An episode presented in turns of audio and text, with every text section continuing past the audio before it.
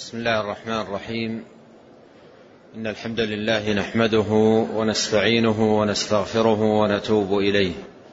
ونعوذ بالله من شرور أنفسنا وسيئات أعمالنا.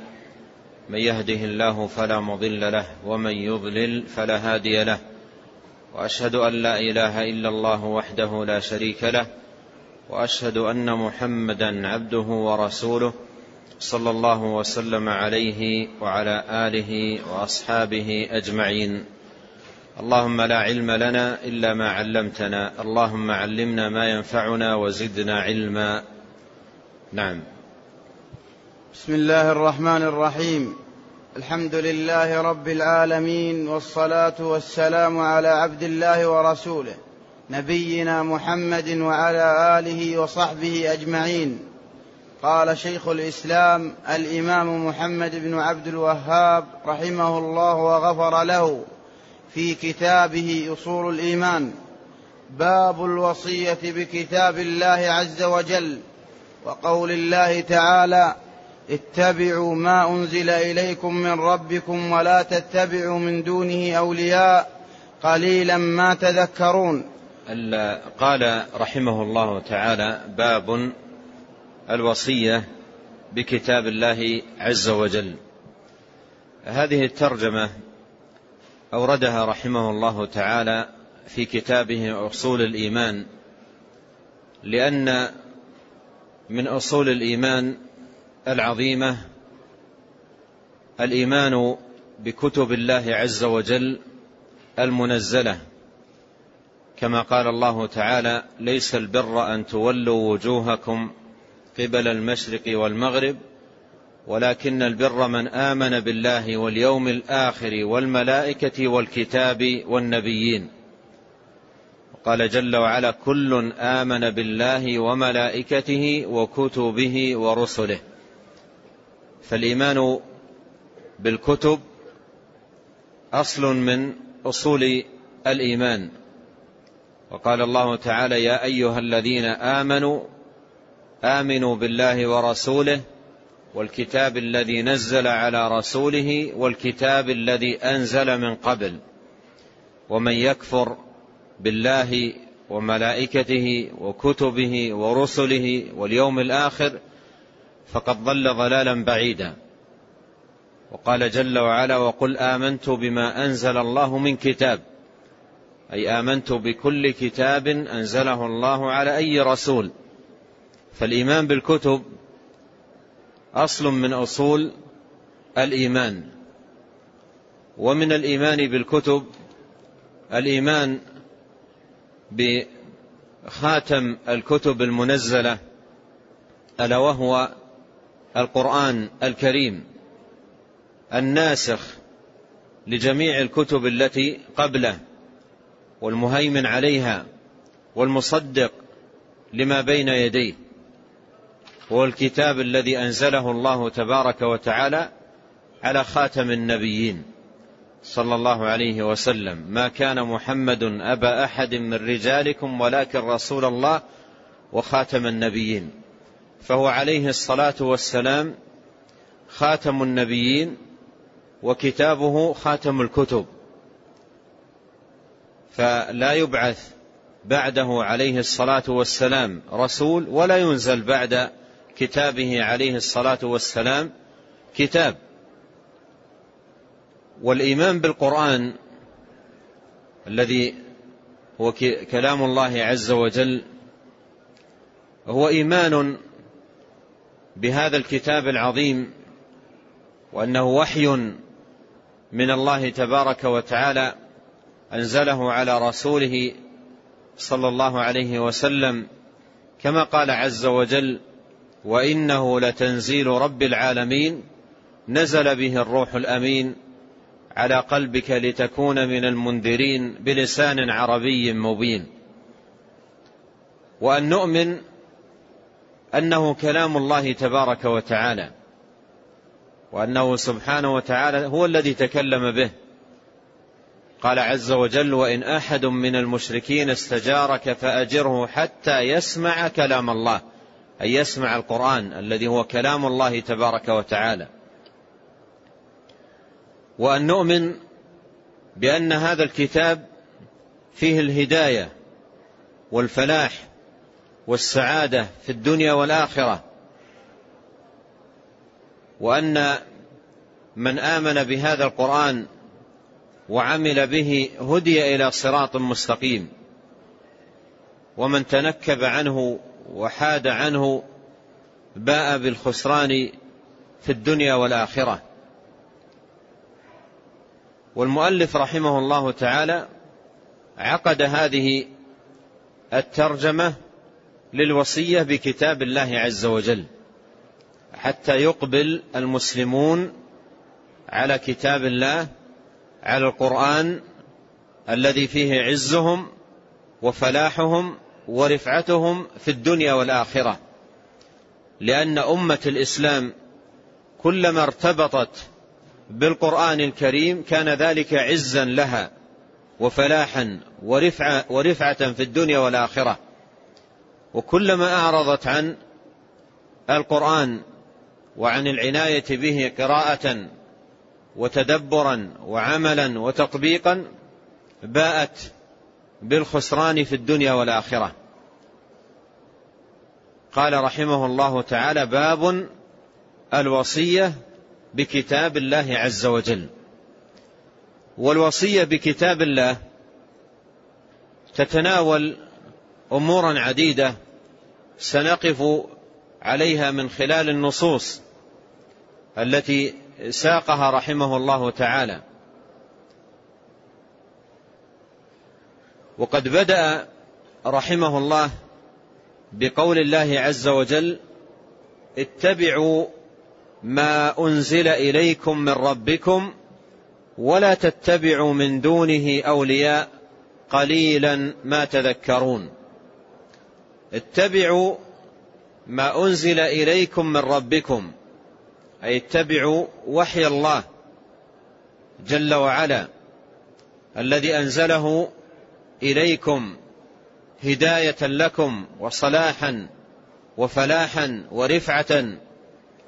اتبعوا ما أنزل إليكم من ربكم أي حكموا كلام الله عز وجل بينكم واعملوا بكلامه عز وجل وطبقوا أحكامه سبحانه وامتثلوا أوامره واجتنبوا نواهيه.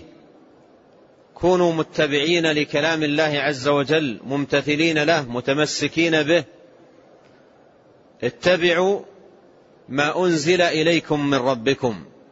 وهذا فيه أن الوحي منزل من الله تبارك وتعالى. وأنه كلام الله عز وجل. قال من ربكم ومن هنا تفيد الابتداء. وأن الكلام بدأ من الله عز وجل وهو منزل منه. كما قال السلف رحمهم الله عن كلام الله قالوا من الله بدأ وإليه يعود. فيدل على أنه من الله بدأ قوله من ربكم. تنزيل الكتاب لا ريب فيه من رب العالمين. فهو من الله عز وجل تكلم به ونزل به جبريل على رسول الله صلى الله عليه وسلم وبلغه الرسول الكريم عليه الصلاة والسلام للأمة على التمام والكمال. قال اتبعوا ما أنزل إليكم من ربكم وقوله من ربكم فيه تنبيه إلى ربوبية الله تبارك وتعالى الخاصة التي تدل على التربية على الإيمان والفضيلة والخير والإيمان الصحيح والعبادة القويمة وحسن الإقبال على الله تبارك وتعالى. ولهذا قال بعض أهل العلم كان أكثر دعاء الأنبياء بهذا الاسم ربنا مستحضرين منة الله عز وجل عليهم بتربيته الخاصة لهم على الإيمان والكمال. ولا تتبعوا من دونه أولياء. لا تتبعوا أي لا تقتفوا من دونه أي دون الكتاب الذي أنزل إليكم من ربكم أولياء. أي أشخاصا أو أناسا تتولونهم وتتبعونهم وتأخذون عنهم وتتلقون منهم معرضين عن كتاب ربكم. وهذا فيه تحذير للناس من أئمة الضلال ودعاة الباطل الذين يصدون الناس عن كلام الله عز وجل وعن وحيه سبحانه وتعالى. ويوقعونهم في البدع والضلالات والمنكرات والأباطيل. وقد خاف النبي صلى الله عليه وسلم على أمته من هؤلاء. قال إن أخوف ما أخاف على أمتي الأئمة المضلين. فكان يخافهم يخاف على أمته عليه الصلاة والسلام منهم. والله جل وعلا يحذر هنا من ذلك. قال ولا تتخذوا من دونه أولياء ولا تتخذوا ولا تتبعوا من دونه أولياء أي من دون كتاب الله تبارك وتعالى. أولياء أي تتولونهم وتأخذون عنهم وتقتفون آثارهم وتمتثلون أوامرهم معرضين عن كلام الله عز وجل. معرضين عن كلام الله عز وجل. ولقد وجد من من أئمة الباطل ودعاة الضلال من يصرف الناس عن القرآن. من يصرف من يصرف الناس عن القرآن ويصرفهم عن وحي الله تبارك وتعالى ويدعوهم إلى الإيمان بعقلياته السقيمة وأفكاره الوضيعة وآرائه البالية يدعوهم إلى ذلك ويصدهم عن كلام الله تبارك وتعالى. فوجب على كل مسلم أن يحذر من أولياء الشيطان ومن دعاة الباطل وأن يقبل على كلام الله تبارك وتعالى. وقول الله عز وجل في تمام هذه الآية قليلا ما تذكرون تنبيه إلى أن من أعمل تذكره وتبصر في الأمور وتدبر علم أن الهداية والفلاح والسعادة في اتباع كتاب الله لا في اتباع أولياء الباطل وأئمة الضلال. ولهذا قال قليل قليلا ما تذكرون. أي لو أن تذكركم كان كثيرا تتبصرون في الأمور وتتدبرون في في في حقائقها لا أدركتم أن العز والفلاح في كتاب الله تبارك وتعالى. قال عز وجل إن هذا القرآن يهدي للتي هي أقوم.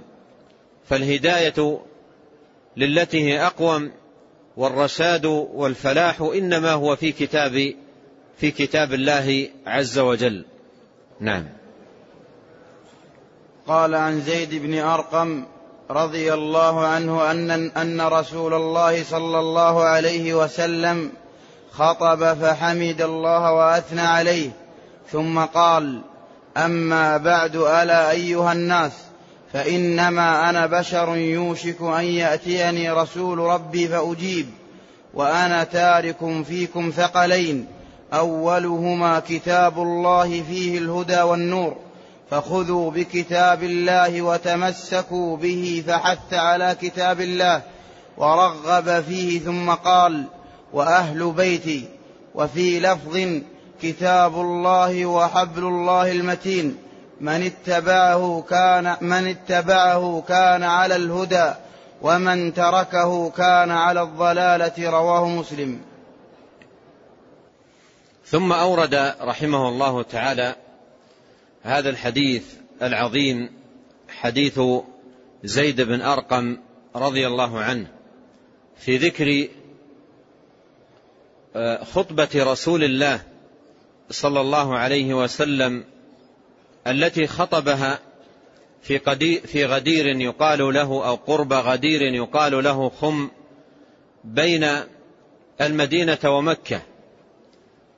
وهي خطبة فيها وصية عظيمة من الرسول صلى الله عليه وسلم لأمته. وبدأ عليه الصلاة والسلام خطبته بالثناء على الله بالثناء على الله تبارك وتعالى بما هو أهله جل وعلا. قال وأثنى عليه. ثم قال أما بعد. ثم قال أما بعد.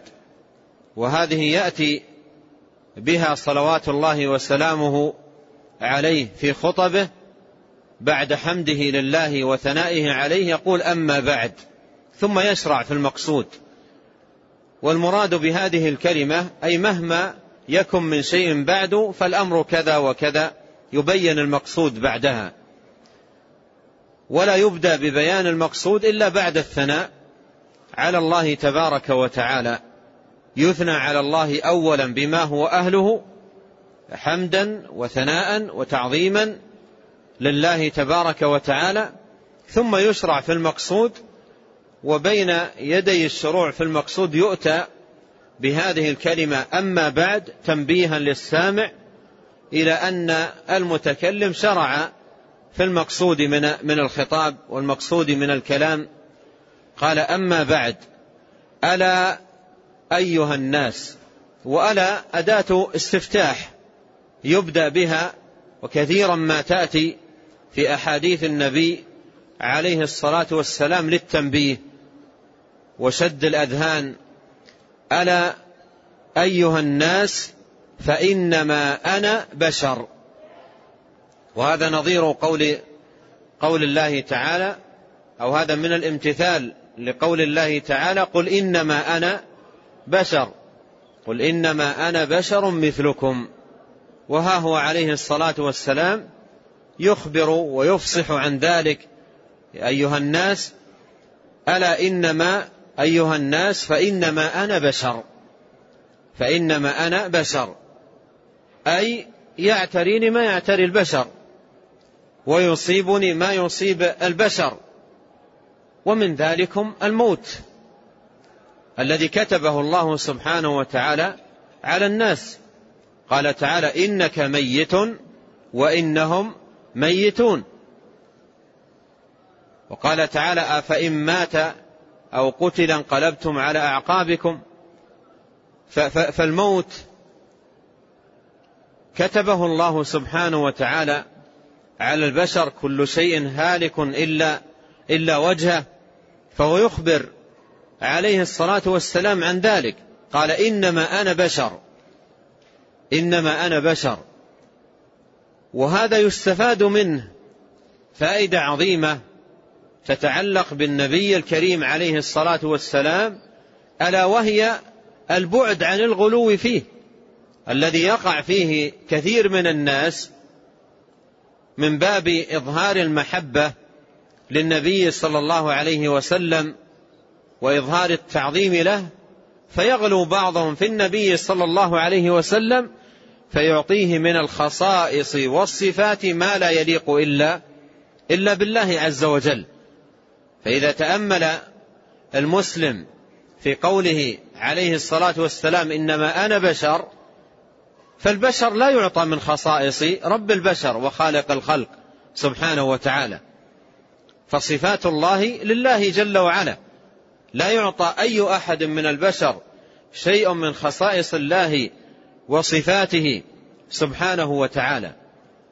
وإذا أعطي أحد من البشر شيء من ذلك فهذا غلو باطل. مهلك لصاحبه. كما قال عليه الصلاة والسلام إياكم والغلو. فإنما أهلك من كان قبلكم الغلو في الدين. وقال عليه الصلاة والسلام ما أحب أن ترفعوني فوق منزلتي التي أنزلني الله إياها. وقال عليه الصلاة والسلام لا تطروني كما أطرت النصارى عيسى بن مريم فإنما أنا عبد. فقولوا عبد الله ورسوله. وسمع رجلا يقول ما شاء الله وشئت فغضب. عليه الصلاة والسلام وقال أجعلتني لله ندا؟ قل ما شاء الله وحده. والأحاديث عنه صلوات الله وسلامه عليه في هذا المعنى كثيرة. فهو بشر وهو عليه الصلاة والسلام عبد لله والعبد لا يعبد ولا يعطى شيء من خصائص الرب تبارك وتعالى. فإذا قوله عليه الصلاة والسلام أيها الناس إنما أنا بشر هذا فيه طرد للغلو. فيه طرد للغلو وإبعاد عنه وتحذير منه. والنبي صلى الله عليه وسلم لا يرضى أن يغلو أحد فيه. ورب العالمين لا يرضى ذلك سبحانه وتعالى. ولا يشفع للإنسان حبه للنبي صلى الله عليه وسلم أن يغلو فيه وأن يعطيه من, من الخصائص ما لا يليق إلا بالله. وإن ظن أنه يؤجر على ذلك فليعلم أنه يؤزر ولا يؤجر. لأن الأجر والثواب إنما يكون على الطاعات لا على الغلو في دين الله تبارك وتعالى. الغلو لا يؤجر عليه الإنسان وإنما يأثم بغلوه وتجاوزه لحد الشريعة والمحبة وحدها بدون ضبطها بضوابط الشريعة وقيود الكتاب والسنة لا تكفي. لا بد من أن يكون أن تكون هذه المحبة منضبطة بضوابط كتاب الله عز وجل وسنة نبيه صلوات الله وسلامه عليه. قال إنما أنا بشر. يوشك أن يأتيني رسول ربي. يوشك أن يأتيني رسول ربي. والمراد بالرسول هنا ملك الموت. المراد بالرسول ملك الموت لأن ملك الموت رسول. والملائكة عموما رسل جاعل الملائكة رسلا. وكل منهم مرسل بمهمة. ووظيفة وعمل. وملك الموت أيضا رسول لله تبارك وتعالى لقبض من أذن الله سبحانه وتعالى له بقبض روحه. قل يتوفاكم ملك الموت الذي وكل بكم. فهو وكل بهذه الوظيفة وبهذا العمل قبض الأرواح. كل من دنت منيته وجاء أجله جاء إليه هذا الرسول الذي هو ملك الموت لقبض روحه. قال يوشك. ومعنى يوشك أن يقترب. قارب أن أن يأتيني ملك الموت. يوشك أن يأتيني رسول ربي فأجيب. قال وأنا تارك فيكم. ثقلين. أنا تارك فيكم ثقلين. إذا مت وجاءني رسول ربي فأنا تارك فيكم ثقلين. وهذا في وهذه وصية النبي عليه الصلاة والسلام لأمته. قال أنا تارك فيكم ثقلين. وقوله عليه الصلاة والسلام ثقلين تنبيه على عظم ما أوصى به. صلوات الله وسلامه عليه. قال إني تارك فيكم ثقلين. وهذا يذكرنا بالكلمة التي قالها أبو بكر الصديق رضي الله عنه بعد وفاة النبي عليه الصلاة والسلام. خطب خطبة أو بين بيانا للناس قال فيه من كان يعبد محمدا فإن محمدا قد مات. ومن كان يعبد الله فإن الله حي لا يموت. فالنبي عليه الصلاة والسلام بشر ويعتريه ما يعتري البشر ويصيبه ما يصيب البشر وقد بلغ رسالة الله تبارك وتعالى وافية كاملة. وترك فينا كتاب الله عز وجل. قال إني تارك فيكم ثقلين. أولهما كتاب الله. أولهما كتاب الله. قال فيه الهدى والنور. وهذا هو الشاهد من سياق هذا الحديث للترجمة. قال فيه الهدى والنور. فيه الهدى كما قال الله عز وجل إن هذا القرآن يهدي للتي أقوم. وفيه النور كما قال الله عز وجل وكذلك أوحينا إليك روحا من أمرنا ما كنت تدري ما الكتاب ولا الإيمان ولكن جعلناه نورا نهدي به من نشاء من عبادنا. قال فيه الهدى والنور. الهدى أي إلى الصراط المستقيم وإلى جنات النعيم وإلى رضا الرب الكريم وإلى الفوز بالدرجات العلى وإلى القيام بالعبادة والطاعة لله عز وجل على الوجه الذي يرضيه وإلى أسباب الثبات على الحق والهدى. والنور أي الذي يضيء لكم الطريق. وتبصرون به الجادة. وتذهب عنكم ظلمات الجهل وظلمات الباطل وظلمات الغي وظلمات الضلال. كلها تتبدد وتذهب عنكم بنور القرآن الكريم. قال فيه الهدى والنور. فخذوا بكتاب الله. يوصي عليه الصلاة والسلام بعد أن بين مكانة القرآن العلية ومنزلته العظيمة أمر بالأخذ به فخذوا بكتاب الله. فخذوا بكتاب الله وتمسكوا به. خذوا بكتاب الله أي عولوا عليه واعتمدوا عليه وارجعوا إليه وكونوا متمسكين به. الذين يمسكون بالكتاب أي يتمسكون به. فكونوا متمسكين بكتاب الله عز وجل معتصمين به واعتصموا بحبل الله جميعا. ولا تفرقوا. قال فحث على كتاب الله ورغب فيه. أي في وصيته تلك حث عليه الصلاة والسلام على كتاب الله ورغب فيه. والحث على كتاب الله عز وجل والترغيب فيه يشمل الحث على السنة سنة النبي الكريم عليه الصلاة والسلام. فمن الوصية بالكتاب الوصية بالسنة. ومن لا يتمسك بالسنة ليس متمسكا بالكتاب. من لا يتمسك بسنة النبي عليه الصلاة والسلام ليس متمسكا بالكتاب لأن من تمسك بالكتاب حق التمسك ففي الكتاب يقول الله تعالى وما آتاكم الرسول فخذوه وما نهاكم عنه فانتهوا وفي الكتاب يقول فإن تنازعتم في شيء فردوه إلى الله والرسول الرد إلى الله الرد إلى كتابه والرد إلى الرسول عليه الصلاة والسلام الرد إلى سنته.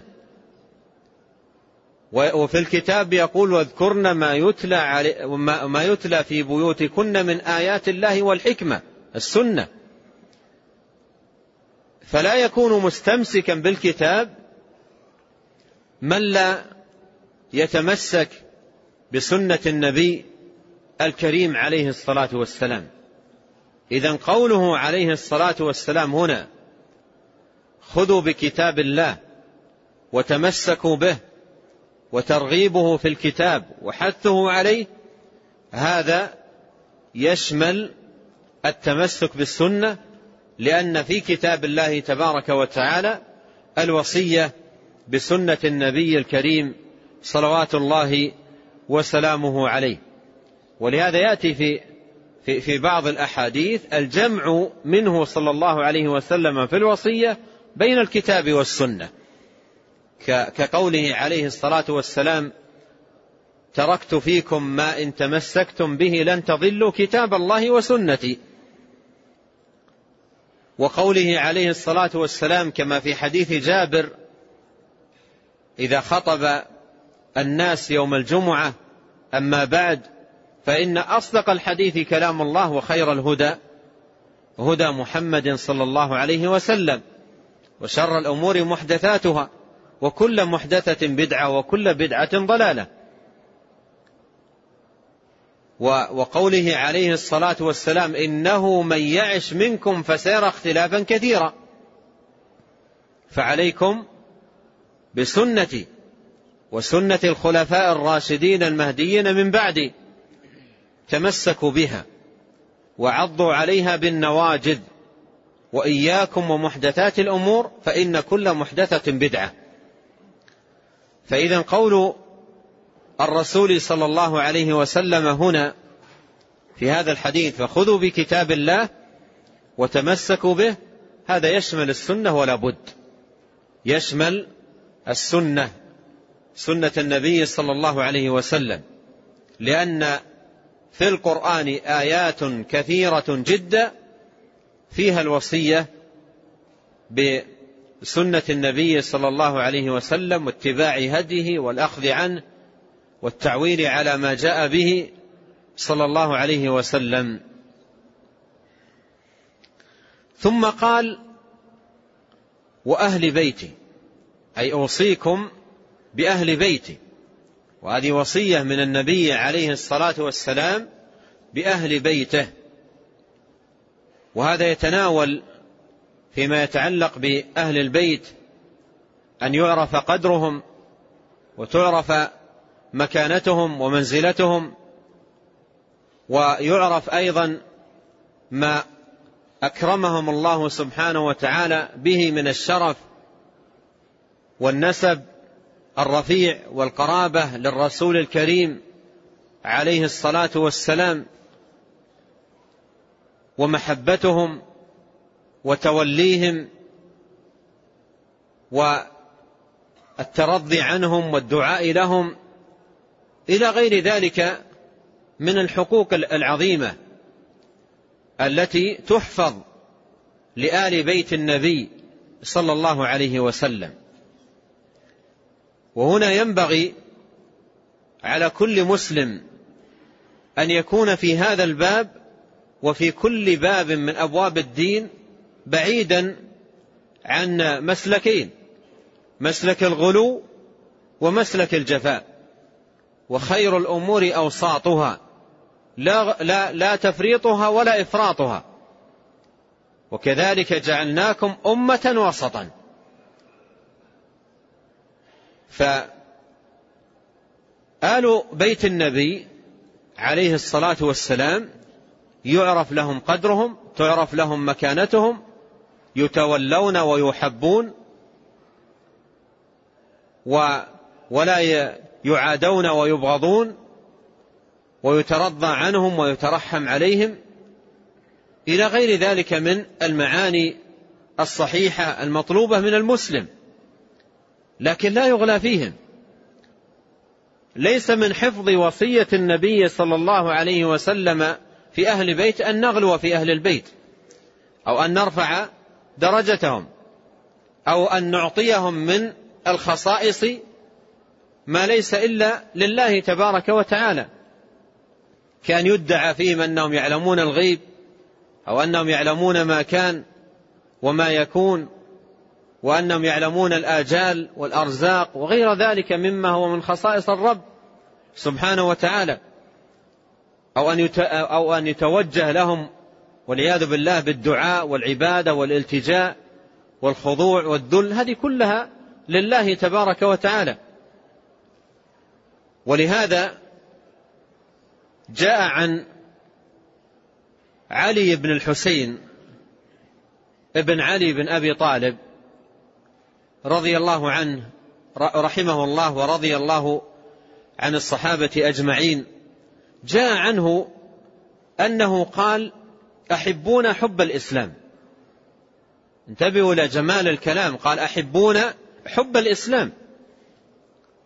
فإني سمعت رسول الله صلى الله عليه وسلم يقول ما أحب أن تنزلوني فوق منزلة التي أنزلني الله إياها. قال أحبون حب الإسلام. ففي قول أحبون حب الإسلام تنبيه إلى أن الحب الذي ينبغي أن يكون لآل البيت مضبوطا بحب الإسلام. أما الغلو و آه، من الخصائص ما لا يليق إلا بالله تبارك وتعالى ليس هذا حب الإسلام. بل هذا حب أنكره النبي عليه الصلاة والسلام وحذر منه ونهى عنه عليه الصلاة والسلام. وإذا قوله أوصيكم بأهل بيتي هذا فيه دعوة إلى الوسطية والاعتدال. من غلا في آل البيت هل حفظ فيهم وصية النبي عليه الصلاة والسلام؟ لا والله. ومن جفى في آل البيت هل حفظ فيهم وصية النبي عليه الصلاة والسلام؟ حاشا وكلا. لا يحفظ وصية النبي عليه الصلاة والسلام في آل بيته إلا من يكون فيهم متوسطا. لا غاليا ولا جافيا. لا مفرطا ولا مفرطا. بل يكون معتدلا. وكذلك جعلناكم أمة, وسطا. ليس من حفظ وصية النبي صلى الله عليه وسلم في آل بيته أن يغلى فيهم ولا أيضا من حفظ وصية النبي عليه الصلاة والسلام في آل بيته أن يعاملوا بالجفاء. فحفظ وصيته عليه الصلاة والسلام فيهم بالوسطية. والاعتدال في هذا الباب بين الغلو والجفاء والإفراط والتفريط. قال ثم ثم قال وأهل بيتي أي وأوصيكم بأهل بيتي. ولهذا جرت طريقة أهل السنة والجماعة في كتبهم ومؤلفاتهم ولا سيما كتب العقائد التنبيه على هذا الأمر. وعلى وصية النبي صلى الله عليه وسلم في أهل بيته وأن الواجب على المسلم أن يحبهم وأن يتولاهم وأن لا يذكرهم إلا بالجميل والثناء الطيب وأن لا لا لا لا يقع في أحد منهم وألا ينتقص أحدا منهم وألا أيضا يغلو فيهم. فكتب أهل السنة عامرة بذلك ومليئة بذلك في الثناء على على أهل البيت.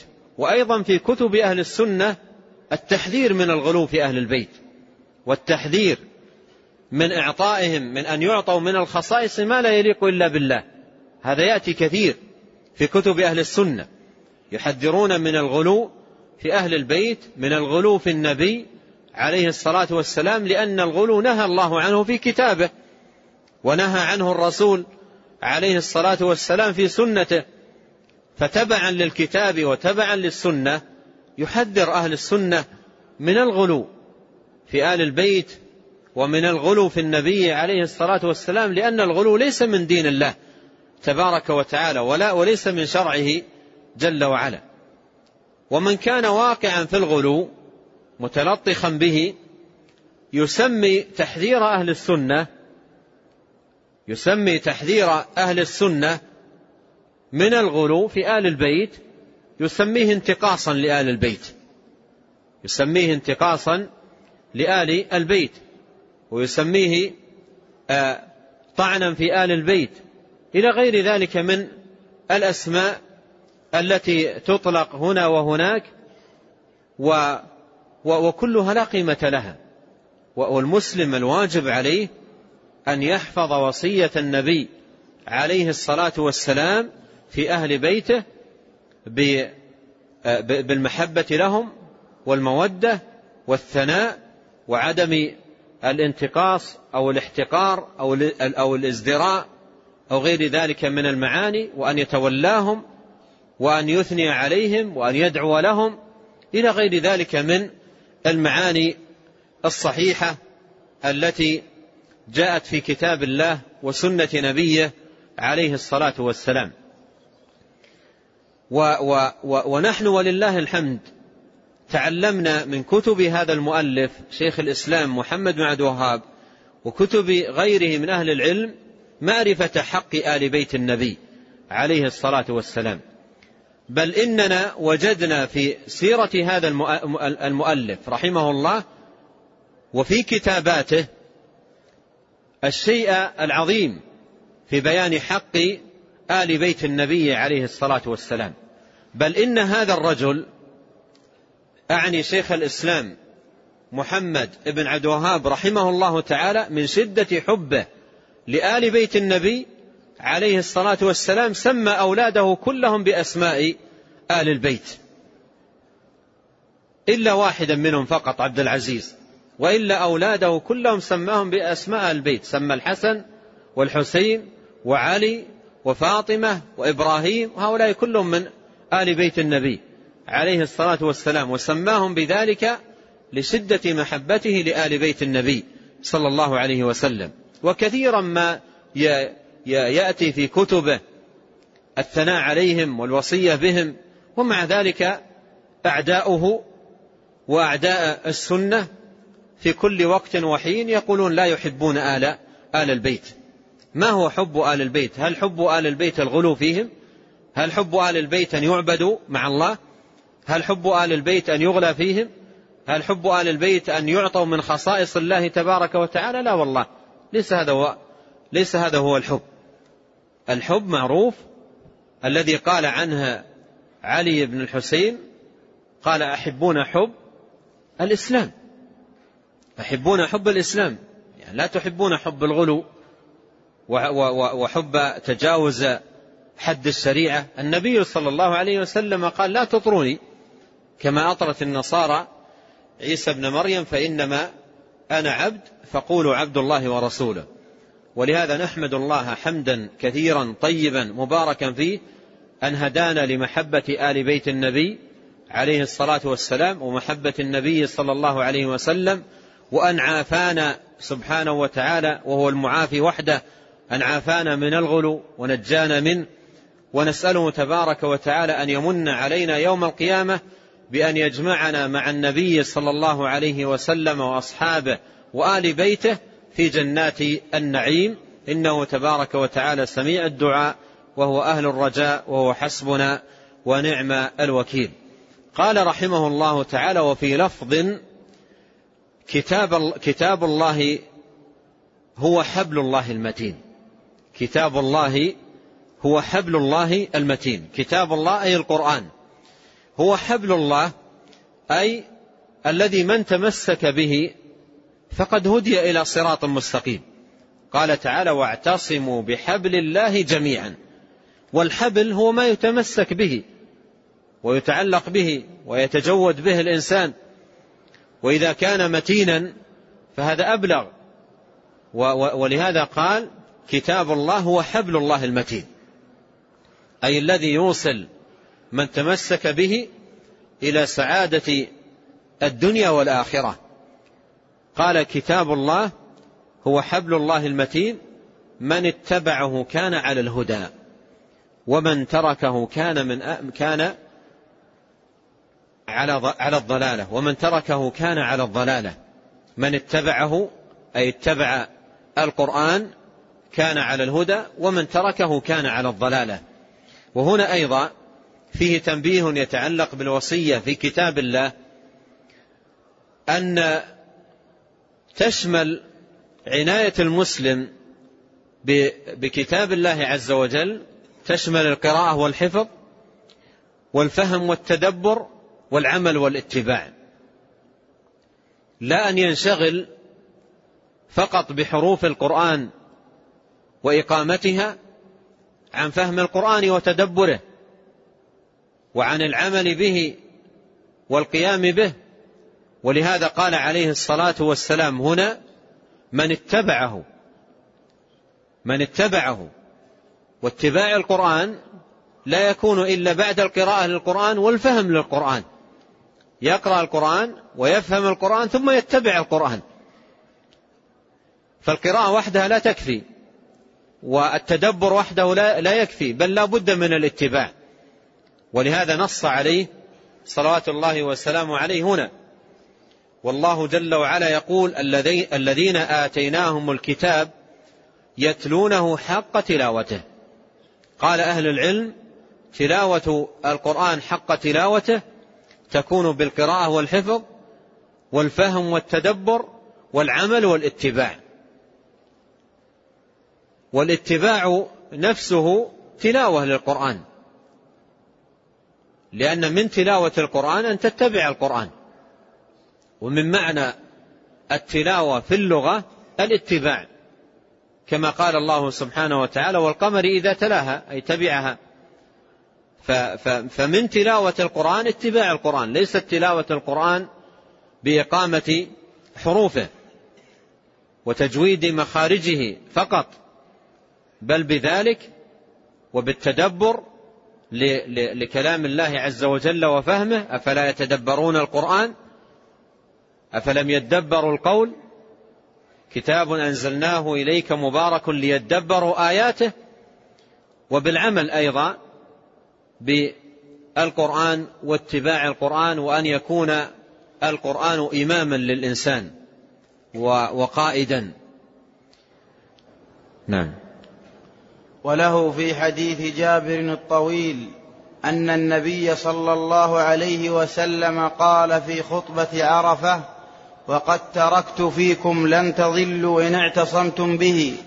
كتاب الله وأنتم تسألون عني فما أنتم قائلون. قالوا نشهد أنك قد بلغت وأديت ونصحت. قال بأصبعه السبابة يرفعها إلى السماء وينكتها إلى الناس. اللهم اشهد ثلاث مرات. ثم أورد رحمه الله حديث جابر بن عبد الله رضي الله عنهما في ذكر خطبة النبي صلى الله عليه وسلم التي خطبها يوم عرفة الذي هو أعظم الأيام وسيد الأيام وأفضل الأيام. كما يقول عليه الصلاة والسلام خير الدعاء دعاء يوم عرفة. فيوم عرفة خير الأيام. في في ذلك اليوم العظيم يوم عرفة خطب النبي عليه الصلاة والسلام الناس على صعيد عرفة خطبة عظيمة بليغة. كان منها قوله عليه الصلاة والسلام وقد تركتم وقد تركت فيكم ما لن تضلوا إن اعتصمتم به. كتاب الله.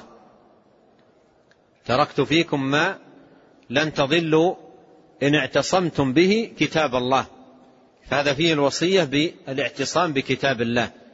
مثل قول الله في القرآن واعتصموا بحبل الله جميعا. والاعتصام بالقرآن هو التمسك به. التمسك بكتاب الله عز وجل كما قال تعالى الذين يمسكون بالكتاب أي يتمسكون به ويعتصمون به ويعولون عليه. ويجعلونه حاكما وإماما. قال تركت فيكم ما لن تضلوا إن اعتصمتم به.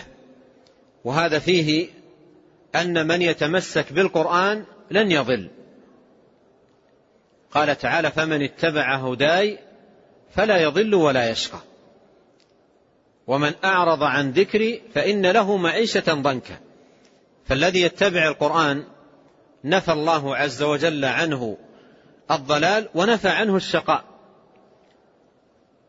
ونفي الضلال يقتضي ثبوت الهداية ونفي الشقاء يقتضي ثبوت السعادة. فالذي يتمسك بالقرآن يهتدي ويسعد في الدنيا والآخرة والذي يترك القرآن فإنه يقع في الضلالة ويبوء بالخسران في الدنيا والآخرة. قال وإنكم وأنتم تسألون عني أي يسألكم الله. والسؤال ذكره الله في القرآن ماذا أجبتم المرسلين؟ تسألون عني. تسألون عني فما أنتم قائلون. وهذا فيه التنبيه على الجانب الآخر وهو جانب السنة وبلاغ النبي عليه الصلاة والسلام لدين الله عز وجل. قال وأنتم تسألون عني فما أنتم قائلون؟ قالوا نشهد أنك قد بلغت وأديت ونصحت. ولاحظوا هذه الكلمات الثلاث. قال أنتم تسألون عني أي يسألكم الله عز وجل وهو أعلم. بكم وبي وبالخلق أجمعين. تسألون عني. فما أنتم قائلون؟ أي إذا سئلتم. قالوا نشهد أنك قد بلغت وأديت ونصحت. بلغت أي الرسالة وأديت أي الأمانة ونصحت أي الأمة. فهو عليه الصلاة والسلام بلغ الرسالة وأدى الأم الأمانة ونصح الأمة وجاهد في الله حق جهاده حتى أتاه اليقين وما ترك خيرا إلا دل أمته عليه ولا شرا إلا حذرها منه وتركهم على المحجة البيضاء. ليلها كنهارها لا يزيغ عنها بعدها إلا هالك. قال بإصبعه السبابة يرفعها إلى السماء وينكتها إلى الناس. اللهم اشهد ثلاث مرات. قال بإصبعه السبابة أشار بالسبابة يرفعها إلى السماء عندما يقول اللهم. يرفع إصبعه اللهم فاشهد وينكتها إليهم أي يخفض إصبعه ويشير بها إليهم. لما قالوا بلغت وأديت ونصحت. قال اللهم فاشهد اللهم فاشهد اللهم فاشهد. فعل ذلك صلوات الله وسلامه عليه ثلاث مرات. وكان عليه الصلاة والسلام يشير بإصبعه إلى العلو عندما قال اللهم فاشهد وهذا من الإيمان بعلو الله سبحانه وتعالى. من الإيمان بعلو الله. وهذه الإشارة إلى العلو. اللهم فاشهد. أشار بها إلى العلو وأمامه ألوف الناس على صعيد عرفة. يرونه عليه الصلاة والسلام وهو يشير هذه الإشارة ثم ينكتها إليهم. لماذا يشير هكذا؟ يقول اللهم فاشهد. هذا من الإيمان. من الإيمان بعلو الله تبارك وتعالى على خلقه. قال تعالى سبح اسم ربك الأعلى. قال تعالى وهو العلي العظيم وهو الكبير المتعال. قال إليه يصعد الكلم الطيب. قال تنزيل الكتاب لا ريب فيه من رب العالمين النزول من أعلى. قال ثم استوى على العرش. الرحمن على العرش استوى. أأمنتم من في السماء؟ إلى غير ذلك من الآيات والدلائل الكثيرة على علوه تبارك وتعالى على خلقه علوا يليق بجلاله وكماله سبحانه وتعالى.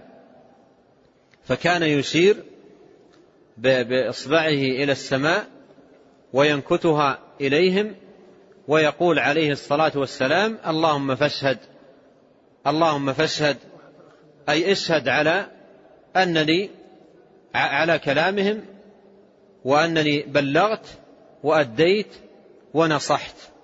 نعم. وعن علي رضي الله عنه قال سمعت رسول الله صلى الله عليه وسلم يقول ألا إنها ستكون فتنة. قلت ما المخرج منها يا رسول الله؟ قال كتاب الله فيكم نبأ من كان قبلكم وخبر ما بعدكم وحكم ما بينكم هو الفصل ليس بالهزل. من تركه من جبار قصمه الله ومن ابتغى الهدى من غيره أظله الله هو حبل الله المتين وهو الذكر الحكيم وهو الصراط المستقيم هو الذي لا تزيغ به الأهواء ولا تلتبس به الألسنة, الألسنة ولا تشبع منه العلماء ولا يخلق عن كثرة الرد ولا تقتضي عجائبه هو الذي لم تنته الجن إذ سمعته حتى قالوا إنا سمعنا قرآنا عجبا يهدي إلى الرشد فآمنا به. من قال به صدق ومن عمل به أجر ومن حكم به عدل ومن دعا إليه هدي إلى صراط مستقيم. رواه الترمذي الترمذي وقال غريب. ثم أورد رحمه الله هذا الحديث في الوصية بكتاب الله عز وجل عن علي بن أبي طالب رضي الله عنه قال سمعت رسول الله صلى الله عليه وسلم يقول ألا إنها ستكون فتنة. قلت ما المخرج منها يا رسول الله؟ قال كتاب الله. إلى آخر الحديث. وهذا الحديث لم يثبت مرفوعا إلى النبي صلى الله عليه وسلم ويروى أيضا موقوفا على علي بن أبي طالب رضي الله عنه وهو من حيث المعاني والألفاظ التي اشتمل عليها معان عظيمة وكلمات قوية في تعظيم كتاب الله وبيان قدر القرآن ومكانة القرآن وذكر أمور عظيمة تتعلق بالقرآن لكنه لم يصح حديثا مرفوعا إلى نبينا الكريم عليه الصلاة والسلام. قوله ألا إنها ستكون فتنة يغني عن هذا ما جاء في الحديث الذي أشرت إليه حديث العرباض. قال إنه من يعش منكم فسيرى اختلافا كثيرا. وقال في الحديث الآخر وستفترق هذه الأمة على سبع على ثلاث وسبعين فرقة. فأشار النبي عليه الصلاة والسلام إلى إلى وجود الفتن وأنها ستقع الفتن. جاء عنه هذا المعنى في أحاديث عديدة. وأيضا جاء عنه عليه الصلاة والسلام في بيان المخرج. عند وقوع الفتن في حديث العرباض قال إنه من يعش منكم فسيرى اختلافا كثيرا فذكر المخرج دون أن يسأل عنه. أليس كذلك؟ قال إنه من يعش منكم فسيرى اختلافا كثيرا وذكر المخرج دون أن يسأل عنه دون أن يقال ما المخرج. وهذا من كمال نصحه عليه الصلاة والسلام. قال إنه من يعش منكم فسيرى اختلافا كثيرا فعليكم بسنتي. هذا هو المخرج. فعليكم بسنتي وسنة الخلفاء الراشدين المهديين من بعدي تمسكوا بها وعضوا عليها بالنواجذ. وأيضا في الحديث الآخر قال ستفترق هذه الأمة وستفترق هذه الأمة على ثلاث وسبعين فرقة كلها في النار إلا واحدة. قالوا من هم؟ قال من كان على مثل ما أنا عليه اليوم وأصحابي. هذا هو المخرج. المخرج أن يكون الإنسان على مثل ما كان عليه النبي صلى الله عليه وسلم وصحابته الكرام. قال كتاب الله فيه نبأ ما كان قبلكم وخبر ما بعدكم وحكم ما بينكم. وهذه كلها موجودة في القرآن. القرآن مشتمل على أخبار من سبق قص الله تبارك وتعالى فيه على على نبيه أخبار الأمم السابقة وقصص الأولين وأخبار النبيين جاءت تفاصيل كثيرة من ذلك في كتاب الله عز وجل. وأيضا فيه نبأ فيه خبر ما بعدكم. أيضا في القرآن الكريم إخبارات عن أمور آتية وتفاصيل قادمة كثيرة جدا. ومن ذلكم الساعة وأشراطها وقيامها وأهوالها وغير ذلك.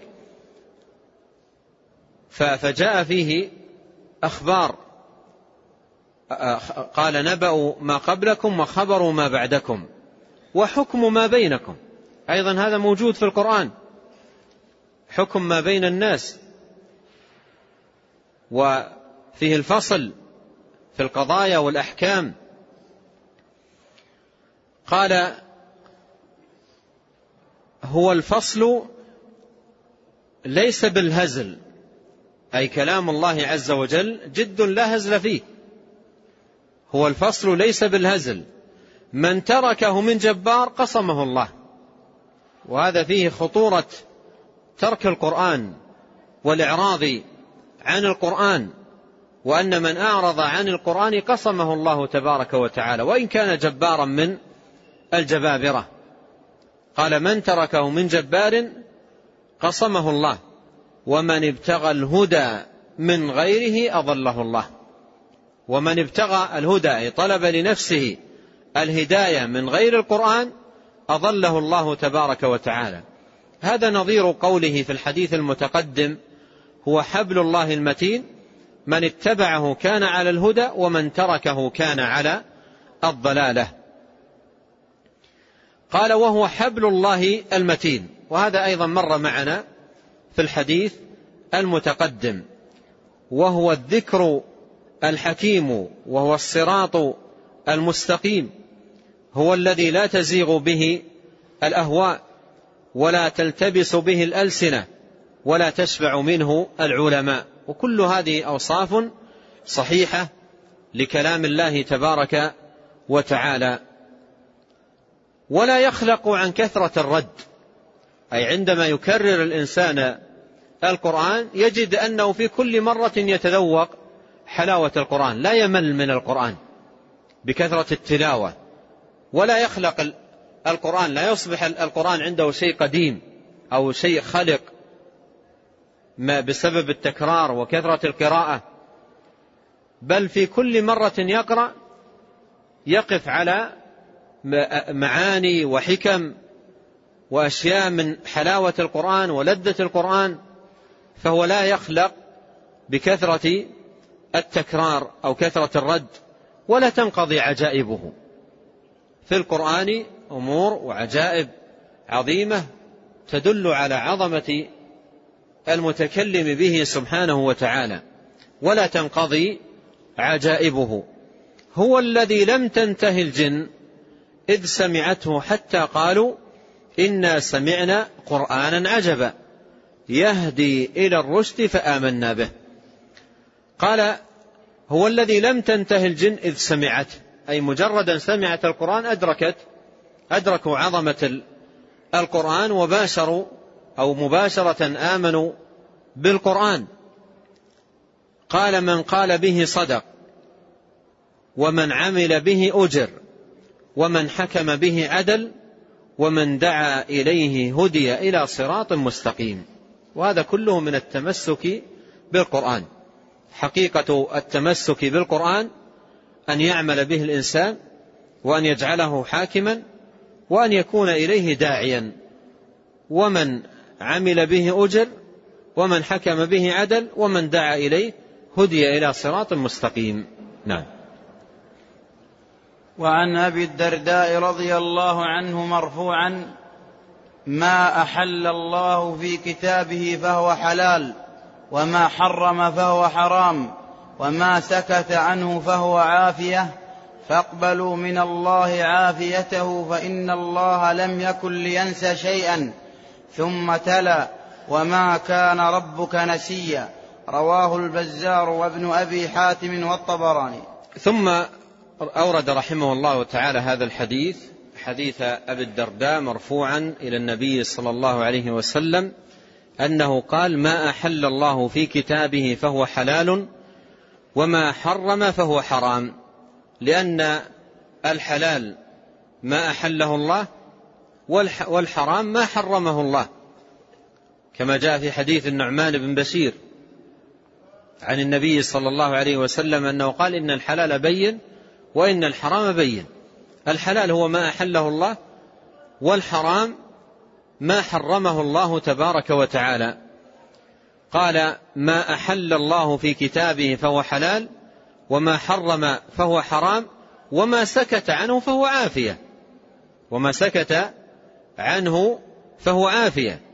أي ما سكت عنه تبارك وتعالى فلما يذكر فيه حلالا ولا حراما فهو عافية. والأصل في في, في, في الأشياء والمطاعم والملابس ونحوها.